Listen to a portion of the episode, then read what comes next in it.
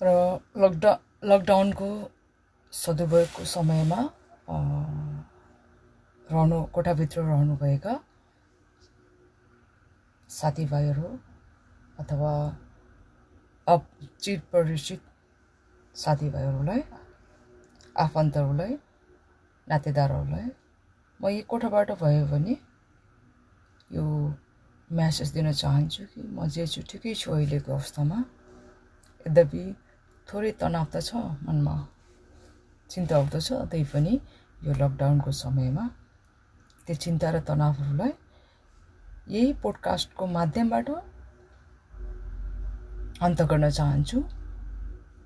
र यो पोडकास्ट नै मेरो साथी बनाएको चाहिँ एकछिन लाग्यो भने एक्लो समयमा कृपया। र सबै साथीभाइहरूले आफन्तहरूले यसरी नै एउटा म्यासेजको रूपमा मन हल्का बनाउनलाई पनि मेरो एउटा सानो कविता छ पुरानो कविता हो। त्यसलाई म फेरि पनि यो समयमा सुनाउन चाहन्छु। धेरैले सुनिसक्नुभयो या भएन थाहा छैन तर पनि यो कवितालाई चाहिँ मैले अहिले फेरि दोहोऱ्याएर तेह्राएर फेरि पनि मिठो महसुस गराउन चाहन्छु उहाँहरूलाई यो लकडाउनको समयमा। कृपया झर्को झर्को नमानिकन अथवा झर्को माने पनि सुनिदिनु होला।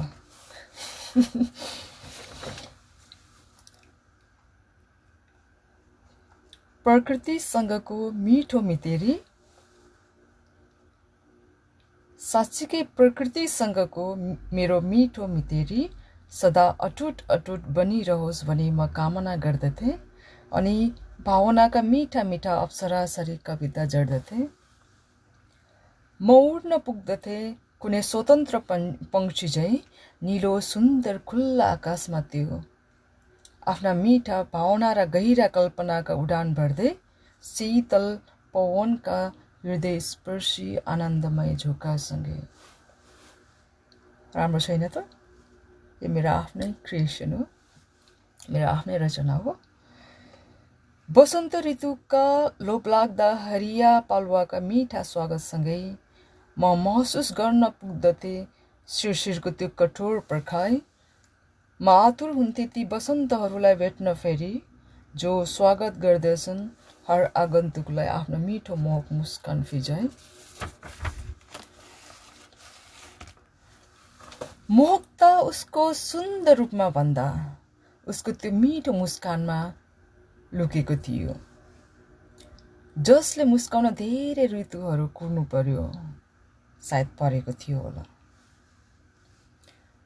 मोनालिसाको मुस्कान चाहिँ प्रिय मुस्कान ती रहस्यमय तर अर्थपूर्ण देखिन्थे।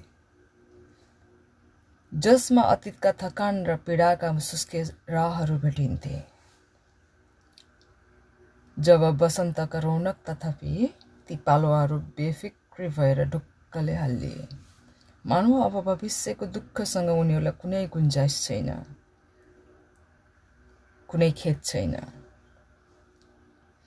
जब म सम्झन पुग्थेँ उसको र मेरो कहानी लाग्थ्यो डुबेपछि निस्किएको मिठो बिहानी।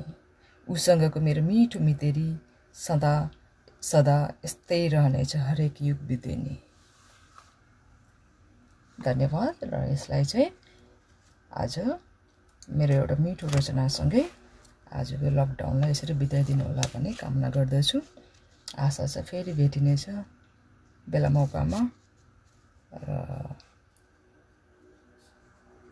जीवन रहनुपर्छ बाँच्नुपर्छ सब कुछ सहनुपर्छ सब थोक सहनुपर्छ ताकि फेरि नयाँ दिनहरू देख्न पाइन्छ खुसीहरू समेट्न पाइन्छ।